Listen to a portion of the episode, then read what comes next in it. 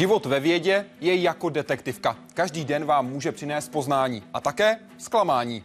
Říká imunoložka Blanka Říhová. Její slova potvrzuje její výzkum. S kolegy přišla na látku, která může výrazně pomoct při boji s rakovinou. Náš imunitní systém by se dokázal ubránit metastázím, tedy rozšíření nádorů po celém těle. To je ta radost z nového poznání. A zklamání je už víc než pětileté čekání na peníze pro klinické testy. Zkoušky zatím skončily u myší, kde mají stoprocentní úspěšnost.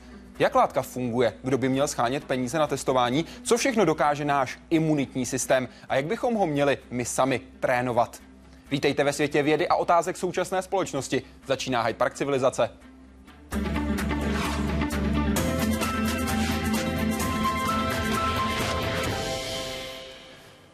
Paní profesorko, vítejte v Hyde Parku civilizace. Přeji hezký večer. Dobrý večer. Paní profesorko, prosím, doplníte mě. Když šila jsem v své komnatě, tu náhle princ Hamlet v rozpjatém kabátě. Teď opravdu nevím. Bez klobouku, punčochy plné bláta, bez podvazků mu vysící na kotnících.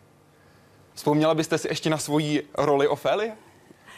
Víte, tak Ofélii jsem hrála asi před 30 lety a teď jsem nevěděla, jestli chcete, abych vás doplnila, tak to bych skutečně nezvládla.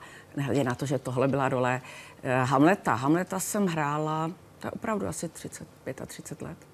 Dáte si ještě teď alespoň nějaké divadlo jako aktivní herečka? Tak já aktivně už nehraju, protože mi to úplně nedovoluje eh, věk, ale eh, do divadla chodím strašně ráda, velmi často. Chodím na koncerty a ochotnické divadlo v Řevnicích podporuju, protože jsem byla členkou, dlouholetou členkou ochotnického divadla. Vy sama říkáte, že třeba chodit na koncerty, chodit do divadla, to hrozně prospívá zdraví.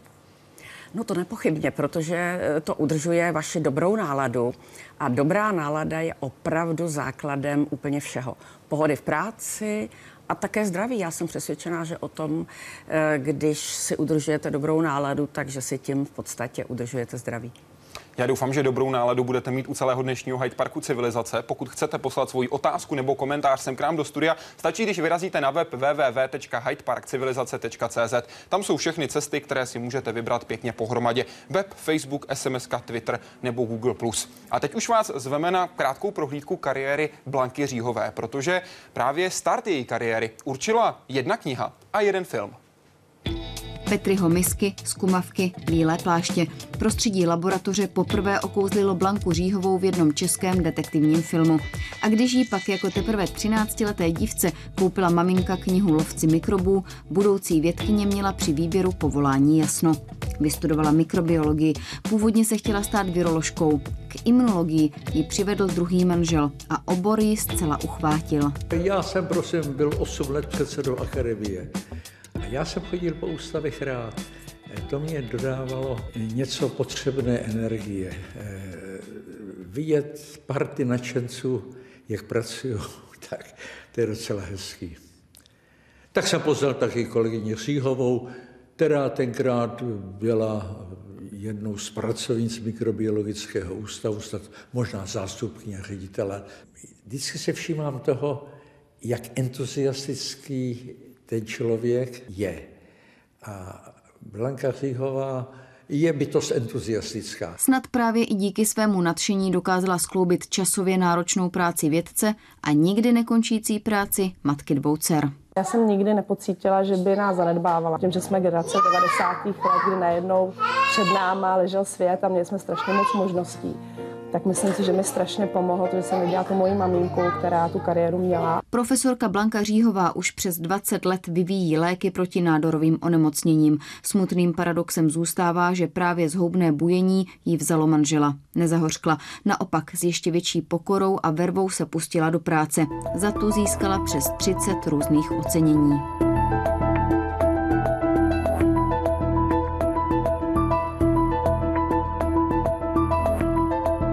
Osm let také vedla mikrobiologický ústav. Řídila tak přes 400 pracovníků a 200 studentů. Ale to bude 16 let, si myslím, co jí znám. A paní profesorku bych charakterizoval jako velice dobrého šéfa, velice um, progresivní a neuvěřitelně pracovitého člověka. Množství práce, kterou je schopná zvládat, je neuvěřitelné. Blanka Síhová eh, je dříč, což je sympatický rys. Podle vaší neverbální odpovědi na ty jednotlivé odpovědi, které jsme tam viděli, vás nejvíc zaujalo prohlášení pana doktora Kováře, který řekl, že jste progresivní. Co vás na tom tak zaujalo? Vy jste se tak trochu zdálo se mi až ironicky pousmála. Ne, ne, ne, já jsem se ironicky určitě nepousmála. Progresivní eh, mě přišla jako hezká charakteristika od mého, eh, on je vlastně mým studentem, proto se známe tak dlouho. On si nás vybral, přišel ke mně do laboratoře a jako diplomant, nebo chtěl u nás začít diplomu, diplomovou práci, no a, a skončil jako vedoucí e, laboratoře. To je krásná kariéra. A dřív jste? Dřív jsem. Dřív jsem bezpečně, já myslím, že jsem dřív v práci, jsem dřív na zahradě v Řevnicích. E, já ráda pracuju a ano, tak to je. A děláte ráda víc věcí najednou?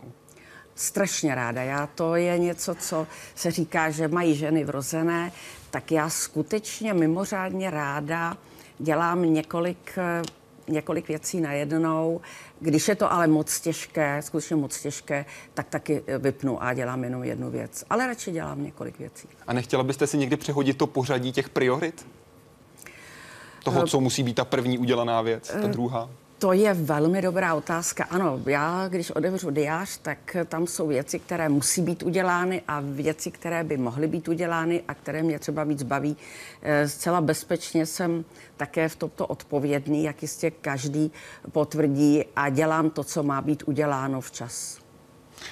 Půjdeme na vaší práci, paní profesorko. Jak vznikne rakovina? Proč se některé buňky změní na nádorové a napadnou své tělo? Tak to je samozřejmě otázka, která by zaplnila několik hodin. Eh, rakovina vzniká pravděpodobně v jedné buňce jako schoda několika mutací nebo změn té buňky, které způsobí, že ta buňka se nekontrolovaně dělí. A všechny signály, které normálně v organismu existují, kdy eh, je rozpoznáno, že ta buňka je eh, nějakým způsobem nemocná nebo nebezpečná a organismus, imunitní systém ji dovedou zabít, tak v některých případech selžou a důsledkem toho je nádorové bujení. A co je ten spouštěč? Spouštěčů je celá řada. Tak především jsou to takzvané karcinogenní látky. To znamená látky, které právě způsobují změnu jader té buňky budoucí nádorové. Je to záření, eh, jsou to samozřejmě onkogenní viry ty eh, se dostávají do popředí a zdá se, že stojí za celou řadu nádorových onemocnění. Jsou to genetické dispozice a je třeba nepodceňovat psychický, fyzický stres. Docela určitě bych řekla, v tom důsledku toho psychického, fyzického stresu může dojít k vážnému onemocnění mezi tím i k tomu nádorovému. A v okamžiku, kdy člověk žije ve stresu, může to být spouštěč toho, co už v těle má, to znamená nějaké genetické predispozice pro například rakovinu plic, řekněme. A nebo to může samotný stres vyvolat, aniž by ty genetické predispozice člověk měl? Eh, nedovedla bych, nebo netroufla bych si říct, že všechna eh, nádorová onemocnění mají genetické pozadí. Tak to, eh, tak to asi není. Je třeba ovšem říct, a to se všeobecně ví už řadu let, že v každém z nás denně vznikají tisíce, možná miliony buněk, které jsou potenciálně nebezpečné. Mohou být potenciálně rakovinné. Imunitní systém si s nima ale dokáže poradit a jak s oblibou říkám, umřete ve stoletech na zlomenou nohu ale pak dojde k několika souběžným faktorům, souběžným, bych řekla, špatným situacím, to je to byl ve špatné době na špatném místě a, a dojde k nádorovému bujení. Dá se říct, alespoň podle těch současných znalostí, že například člověk, který žije celý život ve stresu, může zvýšit svým dětem riziko toho, že u nich propukne třeba rakovina, tím, že jim předá v tomto oboru, v této oblasti horší genetické predispozice? To si nemyslím. Myslím si, že člověk, který žije eh, celý život ve stresu, umře dřív na eh, infarkt než na rakovinu. Ale tak to nefunguje. Abychom eh, ten stres přenášeli do našich dětí, uvědomte si, že to, co přenášíme do, do dětí, to v tom genomu už je předtím, než ten stres máme, protože ty děti máme mezi 20 30 a tomu stresu jsme většinou vystaveni až potom, co už ty děti máme. Ne, takhle si nemyslím, že by to bylo. Na webu se ptá Vítězslav Škorpík, paní profesorko. Dá se vůbec vytvořit něco jako univerzální lék nebo léčba na rakovinu? Existuje mnoho druhů rakoviny. Jsou si jednotlivé typy tak podobné, nebo jde spíše o samostatné nemoci, na které se musí léky hledat zvlášť? Tak divák je nepochybně velmi poučený. Ano, Jedná se o samostatné nemoci a jednotlivé typy nádorových onemocnění potřebují své vlastní léky. Kolik typů rakoviny máme? No, nevím, zeptejte se onkologa 100, 200, 300. Eh, skutečně eh, musíme v tomhle momentě říct, že třeba i nádor, eh, nádor prsu, který se bude, řeknu, má nádor prsu, tak i v tom je desítky různých typů, čili podle toho, jak ty buňky vypadají na povrchu, jak jsou geneticky vybaveny, čili skutečně vlastně ta rakovina nebo ty rakoviny mají jediné společné a to je nekontrolované dělení buněk. Půjdeme se podívat na Facebook, kde je pro vás otázka od Urši. Obracím se na, obrací se na vás pacienti, kteří trpí třeba rakovinou, jsou v posledním stádiu a chtěli by zkusit ještě plně neotestovaný, ale nadějný lék, prostě proto, že už nemají co ztratit? Jak v takové chvíli reagujete? Ano, tak já musím říct, že eh, já musím zdůraznit, že my jsme pracovníci akademie a a e, vyvíjíme nějaké léky. Zase bych ráda zdůraznila, ten impuls vyšel z Ústavu makromolekulární chemie, původně z týmu profesora Kopečka, potom z týmu Karla Ulbricha, dneska to víceméně vede i Tomáš Etrich. Tady bych nechtěla, aby, aby to zaznělo. Jinak e, ty telefony přijdou a já bych v tomhle momentě mohla jenom říct, obraťte se na centra nádorová. Máme tady dneska řadu center, Masaryková univerzita v Motoleje, v Krči a tato centra jsou plně vybavená, plně specializovaná a je tam, jsou tam odborníci, kteří vám pomohou. V řadě těchto center probíhají klinické studie, dosud ne běžně dostupných léků a může se stát, že ten pacient je pro takovou studii vhodný. Přesto vy jste v rozhovoru pro Lidové noviny v roce 2009, konkrétně v září, říkala, v takovém případě, pokud v takovém případě preparát podáme, ač to zní drsně, vědomě si špatným výsledkem zkazíme statistiku. Ta pak může zbrzdit další vývoj léku o celé roky, což ohrozí tisíce pacientů. Tak já musím jenom říct, to je typicky samozřejmě jak jinak zkrácená, zkrácené vysvětlení celého problému. Nebudu mluvit o sobě, budu mluvit o tom, co se děje ve světě. Eh, samozřejmě, když se zkouší nový lék, tak eh, ten, kdo ho dá eh, do toho klinického testování, musí prokázat pro ty ostatní již produkující dobré léky, že ten jeho je úplně nejlepší a lepší než všechny ostatní. Tak se musí vybrat příslušná skupina pacientů, a jsou to stovky pacientů, vybere se diagnóza a vybere se také, jestli ten pacient, je to, je to trošku hloupý to říct, tady to tak, jestli ten pacient má vůbec šanci na ten lék reagovat. Protože jsou eh, pacienti, eh, kteří se proto nehodí, jejich eh, nádorové onemocnění není vhodné na tu léčbu, tak i když by to rádi podstoupili, když byste dal do statistiky pacienta, u kterého téměř a priori víte, že na to nebude reagovat, no tak si tu statistiku samozřejmě zkazíte. A zjistíte, že tam místo, nevím, 20% odpovědí budete mít jenom 15% a už se dostáváte do problému s nějakou regulační autoritou. To je skutečně poměrně složité rozhodování. Na druhou stranu i v té běžné praxi, v okamžiku, kdy už ten lék třeba bude kompletně hotový, se může stát, že takový pacient ten lék dostane. Tím pádem by to spíše odpovídalo tomu, co se pak bude dít v reálné praxi. Já bych řekla, že v, reálné, eh, v, tom, v té reálné praxi, to, co skutečně dneska je, a my jsme nedávno natáčeli takový eh, seriál pro Radio Classic, tak se dozvíte od, od onkologu, že v těch centrech eh, skutečně ti pacienti dostanou skutečně prakticky všechno, co je momentálně k dispozici a v České republice povoleno k používání jako lék tak eh, třeba v srpnu loňského roku se, eh, nebo Česká republika získala povolení eh, pro takový velmi moderní itinimubab, to je anti-CTL4 oboje složité. Je to prostě lék, který určitým způsobem ovlivňuje imunitní systém, aby spolupracoval při léčbě. A ten je potom povolen, povolili ho v srpnu a provolí, je povolen třeba pro melanomy, a nemůže to v tomto momentě použít onkolog na nic jiného, než právě na ty melanomy.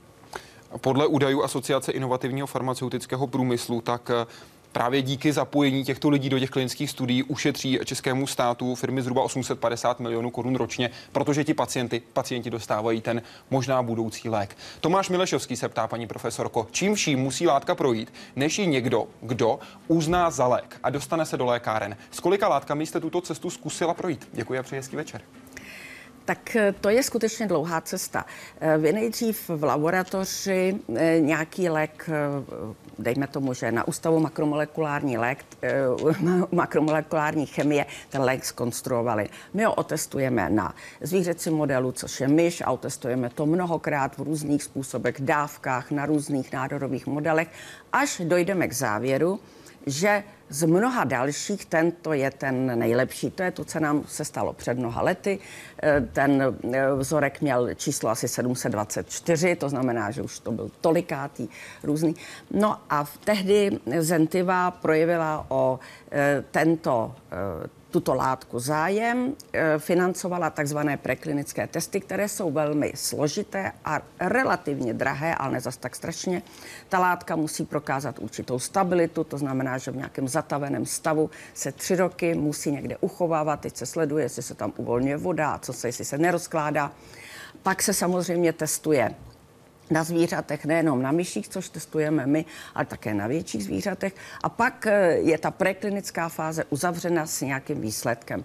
U toho jednoho, u, těch, eh, u toho jednoho vybraného eh, našeho přípravku se ta preklinická studie dopadla velmi dobře, dokonce o něco lépe, než jsme čekali. A všichni jsme doufali, že, že prostě nastane fáze klinických testů, samozřejmě po, po dlouhém vyplňování formulářů a povolení ze státního ústavu pro kontrolu léčiv, jenomže v, na tom, v tom na jaře před těma několika lety sfúzovala Zentiva ze Sanofi Aventis a ty udělali to, co udělá většina farmaceutických firm, když přijde do Česka, vymění management a zastaví vývoj. Takže ale protože patenty na tuto látku má Zentiva, tak to od té doby ten, tato látka, o které jsme byli přesvědčeni, že je skutečně dobrá, eh, vlastně leží takzvaně u ledu. My ale jsme teoretické pracoviště, tak jsme eh, se spolupracovníka, eh, spolupracovníky z Ústavu makromolekulární chemie vlastně vyvinuli další látky, na které stále mají patenty oba ústavy, to znamená jak makro, tak mikrobiologický a hledáme někoho, kdo by financoval tu prekliniku, případně kliniku. Tak se vždycky někdo objeví, eh, pak ale my nejsme fotovoltaická elektrárna, takže když si to spočítá ty čtyři roky dopředu, tak se mu to určitě nevrátí. Eh, tak eh, už jsme měli několik jednání a vždycky z toho po nějaké době sejde. Vy jste zmiňovala například v loňském roce na podzim, když jste byla hostem pardon, interview ČT24, že by to vycházelo na zhruba 10 milionovou investici ročně. Tak to, co jsme tehdy, nebo měli na mysli s tím posledním eh, subjektem, s kterým jsme jednali, to zhruba bylo eh, kolem těch 10, 10, 15 milionů ročně. Proč to nezafinancuje Akademie věd, když je to takto slibný preparát? Ta na to nemá. Ta na to skutečně nemá. Eh, Akademie věd vlastně v tomto momentě nemá žádný způsob, jak financovat jednotlivé projekty. A zase, když budeme naprosto upřímní, tak eh, my si myslíme, že, eh, nebo jsme přesvědčeni, proto na tom pracujeme, že to, co děláme, je důležité, ale když se na to podíváte z pohledu akademie, z toho druhého patra, tak ona bude mít několik, no v akademii, v akademii bude několik projektů, které by stálo za to financovat. V tomhle momentě ale akademie měla eh, grantovou agenturu, nemá jí, takže měla uh, takový program, který se jmenoval Nanotechnologie pro budoucnost, tam jsme také měli velmi dobrou podporu a hodně jsme pokročili dopředu. Pokud já vím, tak v tomhle momentě takovýto projekt Akademie nemá. Ale Akademie má rozpočet 4 a čtvrt miliardy korun. Když by to bylo 10 milionů korun, tak to není ani čtvrt procenta z, té, z tohoto rozpočtu. Nestálo by to za to? Eh, ale znova říkám, eh, neskoušejte mi. Akademie v tomto momentě nemá na řadu věcí, které by měla financovat. Eh, velmi se zpomalilo financování vybavení přístroji nebo něco, čili těžko můžete čekat, že Akademie se soustředí na jeden projekt, který zdůrazňuji, je nejistý. Samozřejmě, že je nejistý. To znamená, že do něj dá peníze a ty se jí nevrátí zpátky. Čili kdybych já byla předsedou akademie profesorem Drahošem, tak bych skutečně také do jednoho projektu ty peníze asi nedala a znova říkám, nedávno jsme měli s něm a akademii každý rok ty peníze ubývají. To znamená, vám se to zdá málo, ale pokud si dobře pamatuju, tak máme letos o 215 milionů méně, než jsme měli loni. Je to tak nějak, já nejsem, nejsem finanční ministr akademie, čili i těch 10 milionů je hodně peněz ubytek od roku 2009 tam je. Od roce 2009 to byl takový vrchol, kdy uh, postupně stoupal rozpočet akademie od roku 2009 klesá. Tehdy byl 5,9 miliardy korun. Jak skutečně funguje vztah mezi rakovinou a imunitou, paní profesorko? Co je konkrétně spouštěcím mechanismem zhoubného procesu? Co je horší? Příliš slabá imunitní odezva organismu, anebo odezva, která je přehnaná či chybná? Já bych v tomto momentě řekla, že přehnanou eh, aktivitu vůči nádorům eh, nevidím, nezaznamenávám, nemyslím si. To je něco, eh, možná, že jste reagovali na autoimunity nebo na alergie. Je to skutečně tak, že, jak jsme už řekli, teď tento večer, imunitní systém neustále dozoruje celý organismus, aby tam nevznikaly buňky, které jsou potenciálně nebezpečné. Skutečně je likviduje. A pak se stane, že souběh několika špatných faktorů a ten imunitní systém třeba dokonce se vstává, že na chvilku jako ztratí pozornost. To znamená, můžete eh, těžce onemocnit. Dokonce to někdy může být důsledek eh, nějakého velké třeba havárie nebo, nebo nějakého onemocnění, zranění a ten imunitní systém jakoby načas přestane ten nádor nebo ten potenciální nádor kontrolovat. Pak se k tomu za pár dnů, týdnů, měsíců vrátí, ale mezi tím ten nádor jakoby mu uteče a začne každý den růst víc a víc, protože ten imunitní systém má určitou kapacitu a z toho nádoru vždycky odejme jenom kousek. Eh, řekněme si, nádor má 100%, a ten imunitní systém je schopen z toho každý, eh, každý den eh, odebrat nebo zkontrolovat 90% a ten 10 mu tam zůstává. Takže v podstatě se domníváme, my imunologové, že určité selhání imunitního systému, chcete-li, stojí u zrodu každého nádorového onemocnění. A přehnanou reakci u nádoru jsem nikdy nezaznamenala. A obecně, když se pak podíváme na autoimunitní choroby, ty bývají velmi závažné s velmi závažnými důsledky. Autoimunitní choroba není o nic méně zlá v určitém smyslu jako nádor, protože eh, je to choroba, kterou v tomto momentě nejsme schopni vyléčit. Autoimunita se ale dá potlačit a dá se udržovat eh, celoživotně. Autoimunita je zase určité selhání nebo změna regulace v imunitním systému. Je to vlastně útok proti vlastním buňkám a ten, když jednou začne, tak vlastně eh, víceméně nikdy neskončí. Nejznámější asi lepek. No lepek eh, to je eh, samozřejmě choroba, která ten lepek, který způsobuje, že jo, celiaky, tak tam je ta výhoda, že se vlastně ví, že příčinou je lepek neboli gliadin. Čili vyloučit lepek z potravy je možné a tím vlastně jste jakoby vyléčen. Petra Firková se ptá paní profesorko, jak vzniká imunitní systém, jak moc můžeme ovlivnit jeho schopnosti. Mluví se třeba o otužování, ale jaký to má skutečně vliv? Není hlavní genetika? Děkuji vám za odpověď a přeji hodně štěstí v bádání. Ta genetika je samozřejmě důležitá, to o tom není sporu, ale imunitní systém se vyvíjí u e, děťátka úplně ze začátku. Já bych řekla, že v třech měsících e, intrauterního života už tam jsou základy imunitního systému a ten se potom vyvíjí, takže děťátko se narodí a už, e, už má vyvinutý vyvinutý základ imunitního systému a je třeba říct, že ten se skutečně dovyvíjí, dozrává ještě eh, během půl roku. Příroda to ale velmi moudře zajistila tak, že děťátko se rodí s hladinou protilátek krvi, jako má maminka. To je rozumné, protože děťátko se pravděpodobně narodí do prostředí, kde žije maminka, čili je vlastně tím chráněné proti těm mikrobům, které jsou v tom prostředí a postupně si eh, ten imunitní systém sám eh, každý vytvoří. No a samozřejmě otužování a já bych řekla, určitý trénink imunitního systému je, je dobrý. Jak trénovat imunitní systém? Já bych řekla, že imunitní systém bych trénovala e, tak tím otužováním určitě a potom bych se nevyhýbala úplně úplně všemu. To znamená, eh, někdo eh, je přehnaně čistotný, všechno strašně meje a vlastně tím úplně zamezuje, aby ten imunitní systém dostal nějaké signály. Čili já bych řekla tak, rozumná expozice, eh, až bych to přehnala, rozumná expozice přiměřené špíny. To je ta hygienická hypotéza, na kterou jste teď narazila. Tak Příliš jsem... čistoty škodí. No, tak abychom, já eh, medikům jsem říkala, abyste eh, potom doma neřekli, že jsem říkala, že miminka máte protahovat loužema, tak, tak to skutečně není. Ale hygienická hypotéza, která se v tom moderním pojetí, dneska se jí říká diverzifikační, ale v zásadě to znamená, že když eh, to miminko úplně bráníte před jakýmkoliv antigenním podnětem, před jakýmkoliv mikrobem, tak to neděláte dobře, protože ten imunitní systém se nemá podněty, čili on se dodatečně, dostatečně nevyvíjí. A pak, když skutečně dojde k nějaké infekci, tak na ní není připraven. To zkoumá gnotobiologie. Dá, Gno... se, dá se, paní profesorko, posoudit, jak moc je potom ten imunitní systém těch, kteří jsou úplně vystaveni prostředí bez jakýchkoliv mikrobů, slabší, umí toho míň než ten člověka, který žije v tom běžném prostředí s těmi denními v úvozovkách útoky? To je docela složitá a zajímavá otázka. Gnotobiologie, abychom to vysvětlili, je věda, která zkoumá život zvířat v naprosto bezmikrobním prostředí. To znamená, že jsou v takových izolátorech a všechno, co dostává, je také, jsou také sterilizováno.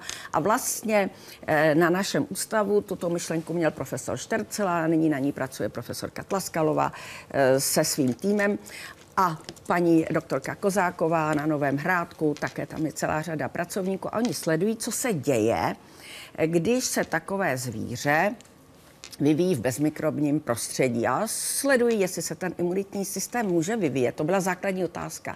Jestli se ten imunitní systém vyvíjí do určité fáze, a pak k dalšímu vývoji potřebuje nutně antigenní podněty nebo mikroby z prostředí. To byla ta základní otázka. Odpověď na to je nikoli. On se vyvíjí i bez těch podnětů, ale ne tak dobře. A e, ty podněty jsou důležité, co je mnohem důležitější na této vědě, neboli gnotobiologii, která sleduje jak důležitá je střevní mikroflora, protože tam máme miliony a miliony buněk, jak je důležitá pro zdraví, jaké má mít složení a jak, pokud možno, některé typy eh, bakterií mohou ovlivňovat život a zdraví. Strašně důležitá věda.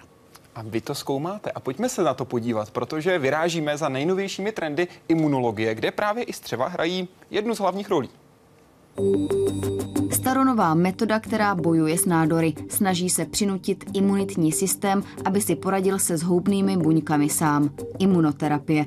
První boom zažila už na přelomu 60. a 70. let minulého století, jenže výsledky neodpovídaly očekáváním a na imunoterapii se na čas zapomnělo. Díky novým poznatkům z oblasti imunologie a molekulární biologie teď zažívá renesanci. S úspěchem léčí třeba metastázující melanom. Chemoterapie byla schopná u tohoto nádoru je velice málo účinná a byla schopna maximálně o něco málo prodloužit přežití. Takto vypadají buňky melanomu. Dvě třetiny nemocných podlehnou zhoubnému bujení do jednoho roku. To je to, co, co ta imunoterapie je schopná přinést. Ty, co skutečně odpovídají na tu léčbu, tak mají velkou šanci, že dojde k úplnému zdraví. Průtokový cytometr. Přístroj, se kterým laboratoř Marka Kováře pracuje několikrát do týdne. Umí totiž charakterizovat konkrétní imunitní buňky. Konfokální mikroskop je pak dokáže až stokrát zvětšit. Pomocí těchto dvou speciálních zařízení hledají vědci ještě účinnější imunoterapeutika. Na některých nádorových modelech eh, myších jsme schopni pomocí nejúčinnějších imunoterapií dosáhnout poměrně významné protinádorové odpovědi.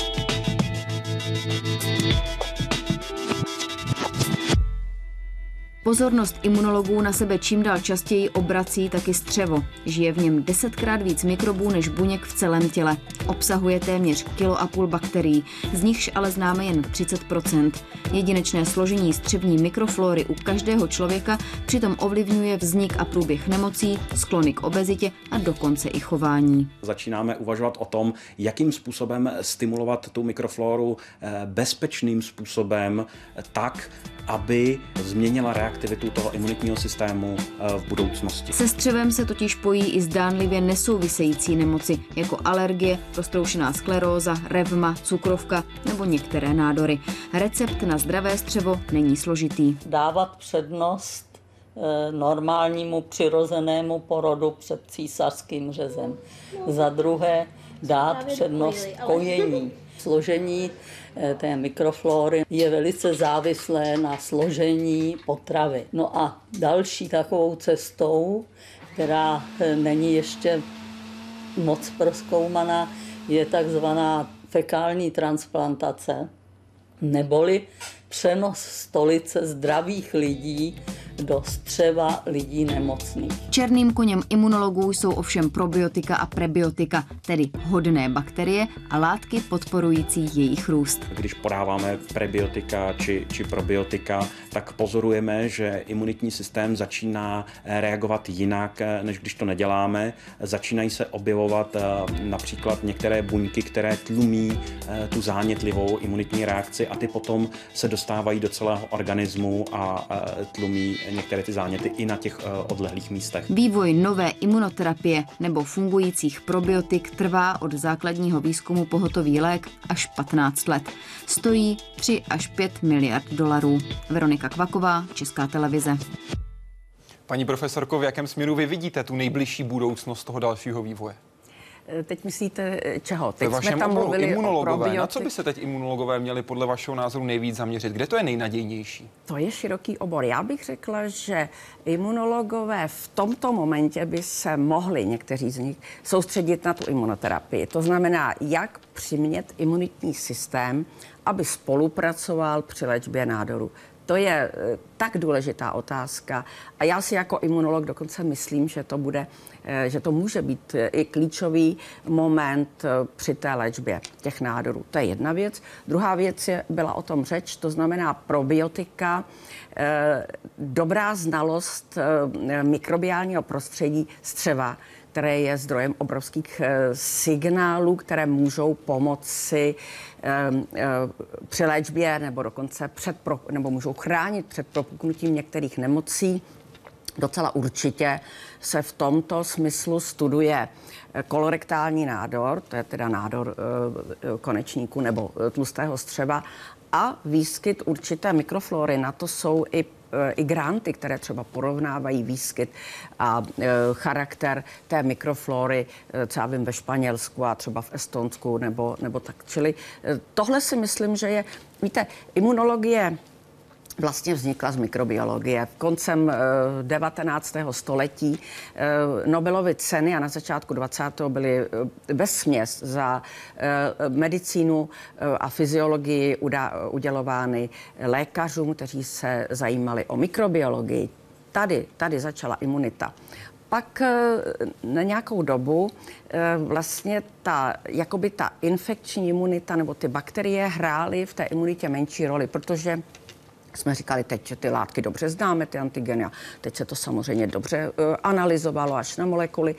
A posledních uh, mnoha letech, já bych řekla 15-20 let, se zase imunologové s pokorou vrací zpátky k těm mikrobům, protože mikroby je to, co je kolem nás a to ten náš osud určuje. A určuje to uh, určitě i vývoj té imunity, čili v tomhle směru bych také viděla další vývoj imunologie. To jsou ty koncentrované výzkumy, které jsou na to zaměřené, ale třeba na počátku toho výzkumu látky, o které jsme před chviličkou hovořili, kterou jste dala dohromady spolu se řadou dalších kolegů, například doktorem Kovářem, tam byla trochu náhoda. A byl tam na počátku toho výzkumu váš tlak na to, ještě ty myšičky trošku využijme, že? Tak já bych zase ráda, aby ty věci, eh, ty informace byly přesné. Dejte já to do souvislostí, prosím. Určitě dám to do souvislosti. Tak eh, ten výzkum úplně opravdu začal na Ústavu makromolekulární chemie, začal ho tam profesor Kopeček, žák eh, Oto Vichtrleho.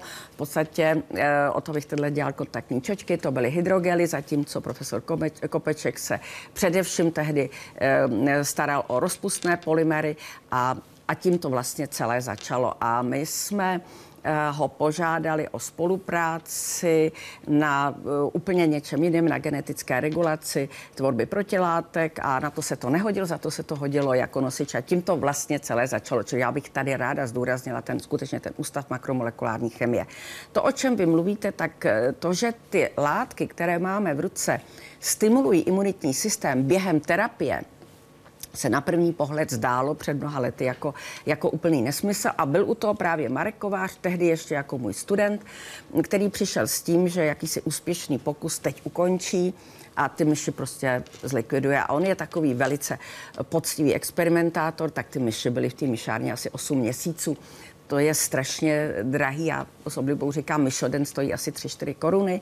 Teď, když si představíte, eh, kolik těch myší bylo a jaké měly v sobě látky, tak se mi zdálo, že teď to zlikvidovat je to škoda peněz a řekla jsem mu, zkusím dát ještě jednou eh, to samé nádorové onemocnění, a nech je bez léčby. To bylo to podstatné. Já už jsem tehdy tušila, my jsme všichni tušili, ne já, to vždycky je kolektivní, že se tam něco děje, ale nevěděli jsme úplně co. Takže Marek těm myším znovu dal tu tež, tehdy se jednalo o leukemii, myši leukemii, No a ukázalo se, že ty myši přežívají bez léčení, asi 30-40% těch myší přežilo, aniž byly léčeny.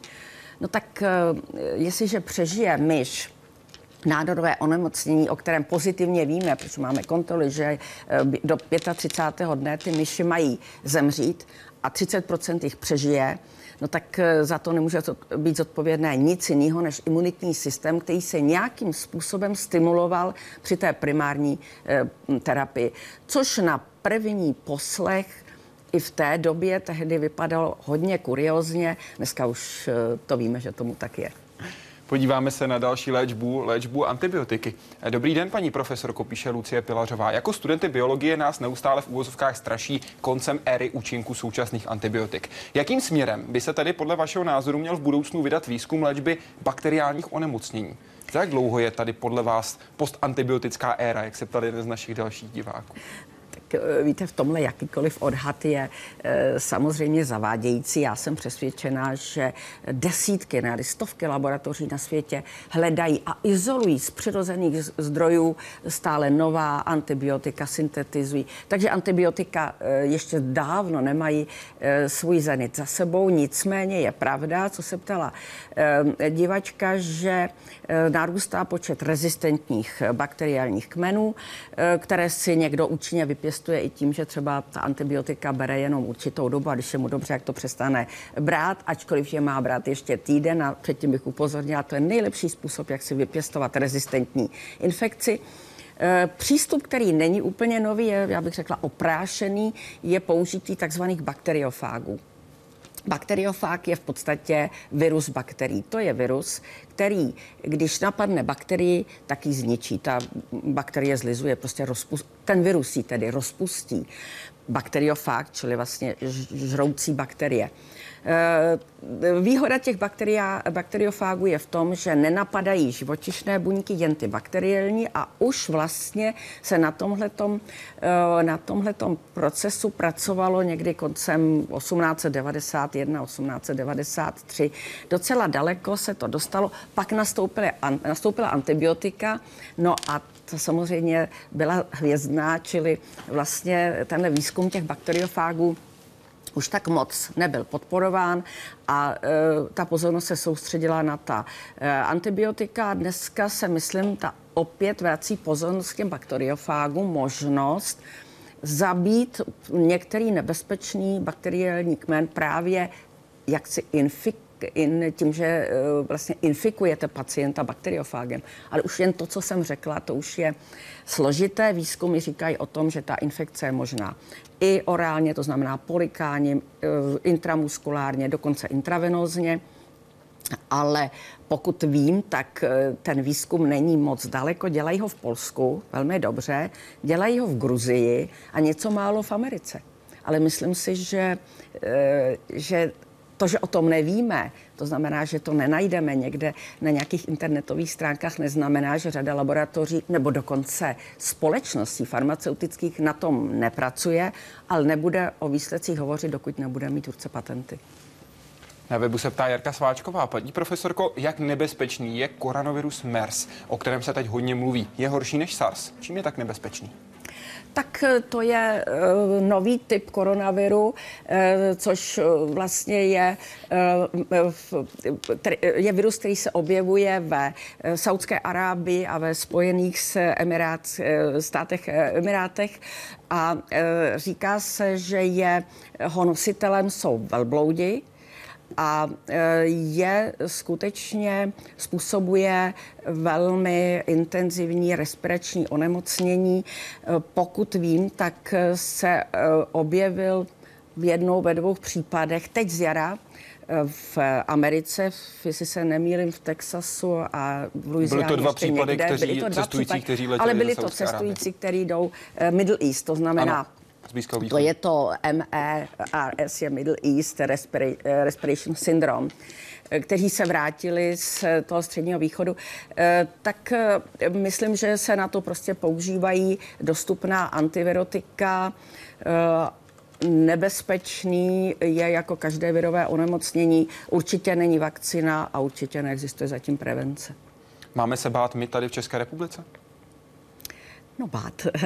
Tak eh, může se stát, já myslím, že určitě se nemáme eh, bát, takže by tady vznikla nějaká epidemie nebo, nebo o, prostě strach z toho viru, ale samozřejmě eh, musíte vzít v úvahu, že pokud navštívíte tyto země, tak určitá a dostanete se do blízkosti velbloudu pravděpodobně, protože to bylo vlastně, pokud vím, z Jemenu nebo e, někde e, takhle, takže takovou infekcí můžete onemocnit. Co je snad důležité je, že, ale to je určitě těch turistů, tam budou sta tisíce a, a nikdo zatím neonemocněl.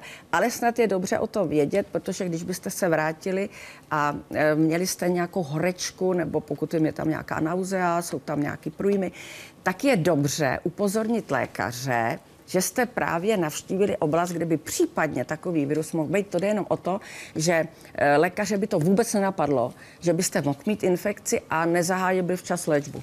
To je jediné. Podíváme se na druhé velké téma současnosti Ebola.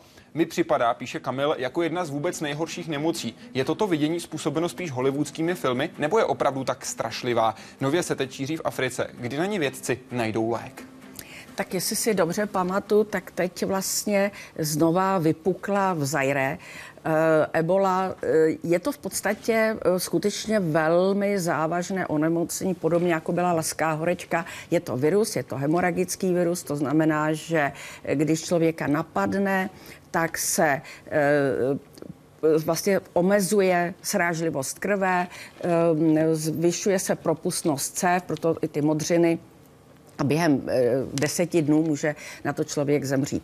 Ebola je zase, pokud si pamatuju, tím zdrojem jsou netopíři v té Africe e, a snad byla eh, detekována u psů a u prasat a možnost za z toho přenosu na toho člověka je tak je to stejně jako, tohle je koronavirus, to znamená, eh, je to zas tak, že pokud vím, neexistuje licencovaná vakcína a eh, je možný použít nějaký antivirotika. Ten vůbec první výskyt je spojován s opicemi, jsem se dočetl. Dva výzkumníci, kteří se dostali do středu Afriky, si koupili opici v buši a nakazili se virem eboli? Pokud já si pamatuju, tak oni eh, nějakým, ta, ta opice uhynula ano. a oni ji nějakým způsobem testovali. Eh, nevím úplně přesně, myslím, že ji pitvali a že chtěli zjistit důvod, proč zemřela. A tím, jak byli neopatrní, nebo ten přenos není úplně nesnadný, tak se sami nakazili. Dobrý den, zajímalo by mne, píše Michal, co si myslíte o v úvozovkách módě neočkovat děti ze strachu, že vakcíny způsobují autismus? Jak je možné, že tomu tolik lidí věří, přestože to žádná studie nepotvrdila?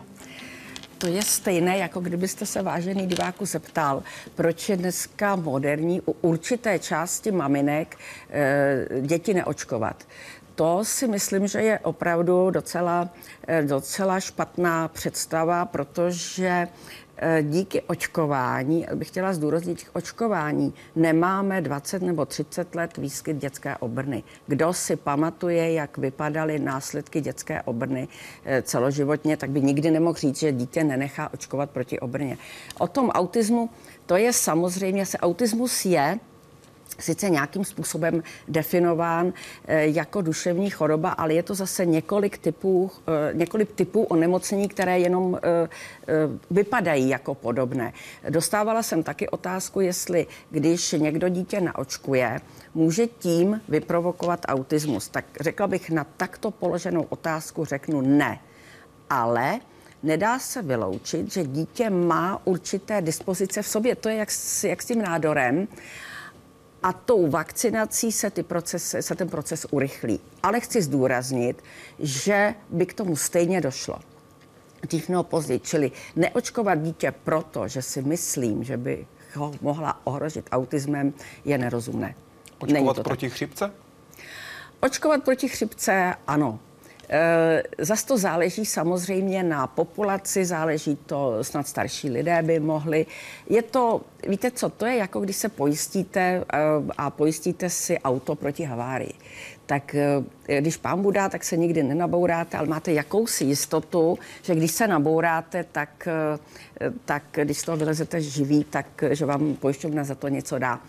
S tím očkováním proti chřipce je to to samé. To znamená, dnes už jsou zase, eh, jde to rychle dopředu, před několika lety byly očkovací vakcíny proti určitému typu nebo kmenu viru, dneska už jsou zase ty vakcíny smíšené. Čili předpokládají, že vás ochrání proti celé řadě chřipkových virů ale nikdo vám nezaručí, že ten eh, chřipkový virus od minulé zimy velice eh, intenzivně nezmutoval a zrovna, eh, zrovna se rozšíří kmen, proti kterému to očkování ne, nebude chránit. Paní profesorko, jak hodnotíte využívání peněz v oblasti vědy? Dokáží čeští vědci a české instituce s penězi hospodařit nebo ne? Děkuji za odpověď a přeji hezký večer tak jako všechny ostatní otázky, to je otázka poměrně složitá, protože říct jako v oblasti vědy. Já bych řekla, že samozřejmě my obecně e, máme te, těch peněz na vědu méně než státy, e, které bych považovala za podobné. Belgie, e, Finsko, vůbec nemluvím o Německu. Tak ty mají jistě těch peněz na vědu víc. My, my jich určitě nemáme dost, ale musím bohužel říct, že jejich způsob rozdělování je, dejme tomu, neoptimální. Neoptimální, to je takové diplomatické slovo. Když tady byl hostem pan profesor Mařík, tak ten říkal, že podle jeho názoru zhruba 20% peněz, které jdou do vědy, je investováno neefektivně, špatně. Jaké číslo byste dala vy?